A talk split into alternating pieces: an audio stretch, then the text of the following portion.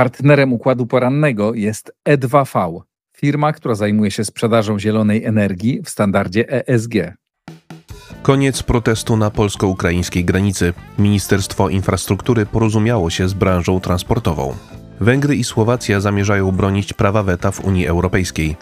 Minister spraw zagranicznych Ukrainy apeluje do państw zachodnich o większe wsparcie. Obowiązek obrony Szwecji będzie spoczywał także na imigrantach.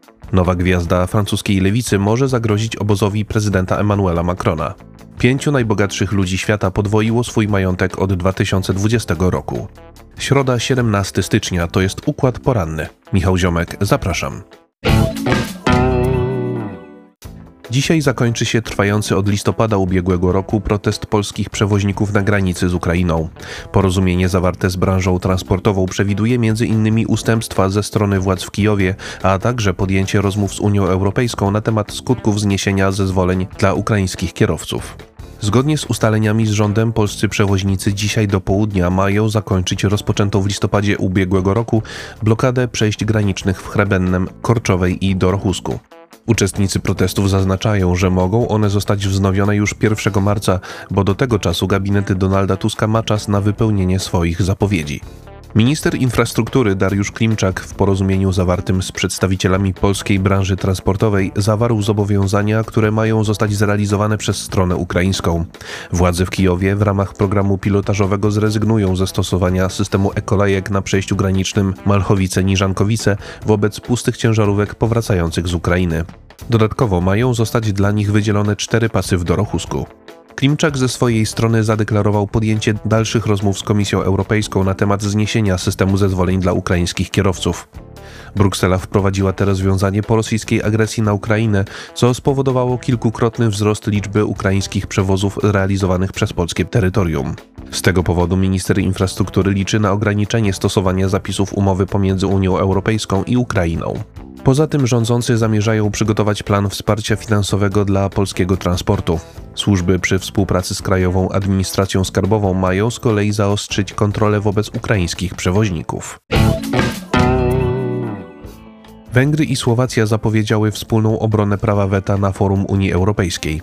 Słowacki premier Robert Fico skrytykował ataki na swojego węgierskiego odpowiednika Viktora Orbana, który jego zdaniem jest karany przez Brukselę za obronę interesu narodowego swojego kraju. Szef słowackiego rządu udał się do Budapesztu ze swoją drugą zagraniczną wizytą od czasu ponownego objęcia urzędu w październiku ubiegłego roku. Rozmowy Fico z Orbanem dotyczyły współpracy w różnych dziedzinach, chociaż według słowackiego dziennika Prawda obu polityków wciąż dzieli wiele kwestii. Na przykład w trakcie niedawnego szczytu Rady Unii Europejskiej Słowacja nie sprzeciwiała się rozpoczęciu negocjacji akcesyjnych z Ukrainą. Orbana i Fico łączy sprzeciw wobec planowanych reform wspólnoty europejskiej, a zwłaszcza rezygnacji z prawa weta w Radzie Unii Europejskiej. Oba kraje będą próbowały blokować te rozwiązanie, uważając je za naruszające suwerenność unijnych państw członkowskich. Według premiera Słowacji z powodu ograniczenia prawa weta jego węgierski odpowiednik mógłby być dalej karany za swoje poglądy i obronę interesów narodowych.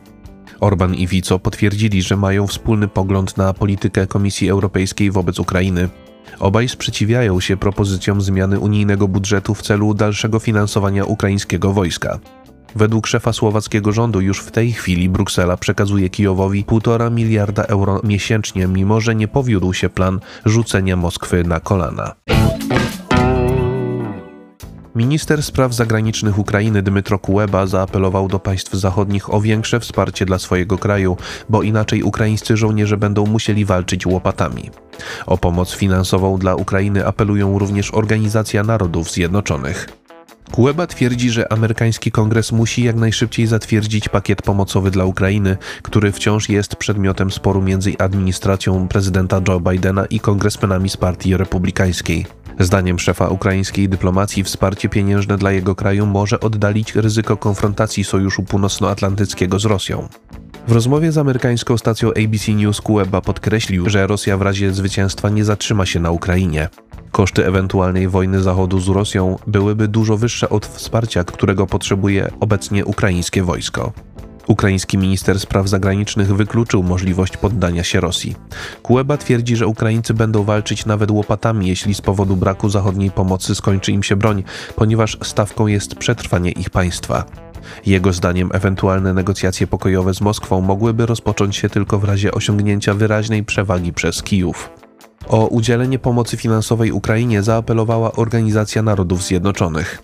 Ma być ona potrzebna blisko 40% mieszkańców Ukrainy, w tym ponad 3 milionom osób żyjącym na obecnej linii frontu.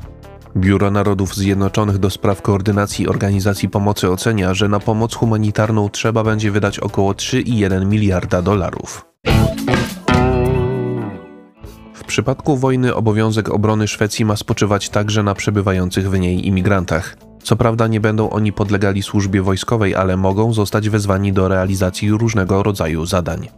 Szwedzki minister pracy i integracji Johan Persson poinformował, że obowiązek obrony kraju będzie spoczywał na wszystkich osobach przebywających w jego kraju, niezależnie od posiadanego obywatelstwa.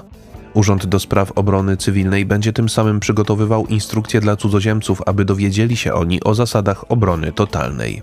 Będą im podlegać wszystkie osoby w wieku od 16 do 70 lat. W przypadku wojny będą zobowiązani wykonywać różne zadania, które będą miały na celu zapewnienie społeczeństwu normalnego funkcjonowania. Za uświadamianie imigrantów będą odpowiedzialne gminy, na terenie których zostali oni osiedleni. Person zapowiada ponadto włączenie lekcji na temat obrony totalnej do programu nauczania obywatelskiego dla obcokrajowców ubiegających się o azyl na terenie Szwecji. Na początku stycznia zagrożenie wojną ze strony Rosji było tematem dorocznej konferencji poświęconej bezpieczeństwu.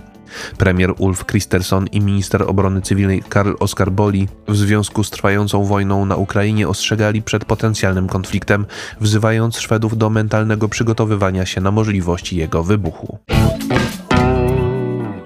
Obóz prezydenta Francji Emmanuela Macrona w ostatnim czasie skupił się na próbie odebrania wyborców szefowej narodowców Marine Le Pen, dlatego rośnie mu konkurencja po lewej stronie.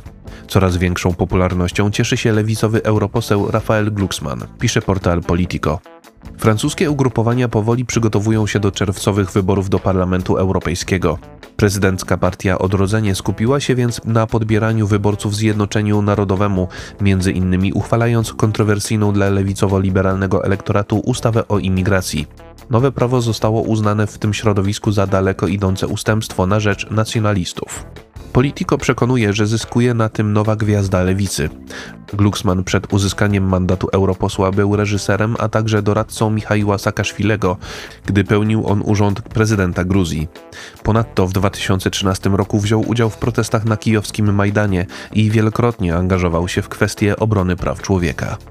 Francuską lewicę do skupienia się wokół Glucksmana namawia m.in. wpływowy wieloletni europoseł Zielonych Daniel Cohn-Bendit. Były zwolennik Macrona uważa, że 44-letni polityk może poprowadzić do zwycięstwa wspólną listę partii socjalistycznej i zielonych.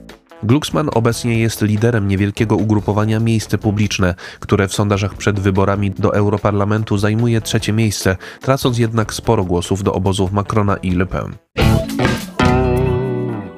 Według raportu organizacji charytatywnej Oxfam, pięciu najbogatszych ludzi świata podwoiło swój majątek od 2020 roku. Z tego powodu apeluje ona o ograniczenie władzy korporacji, aby powstrzymać rosnącą przepaść pomiędzy miliarderami a resztą ludzi.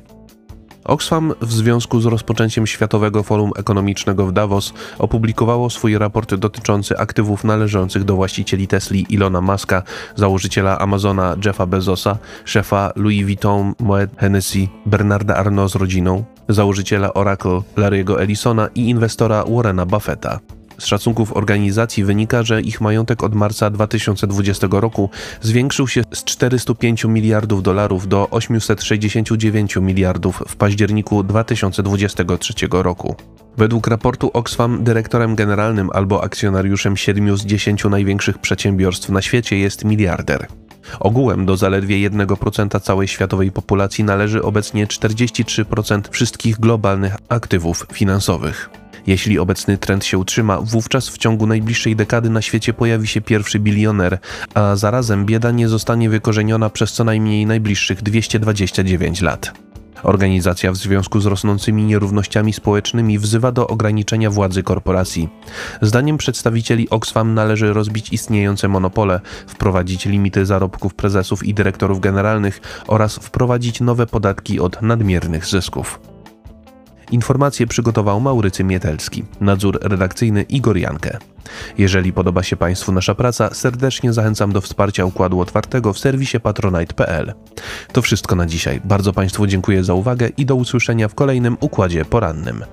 Partnerem układu porannego jest E2V, firma, która zajmuje się sprzedażą zielonej energii w standardzie ESG.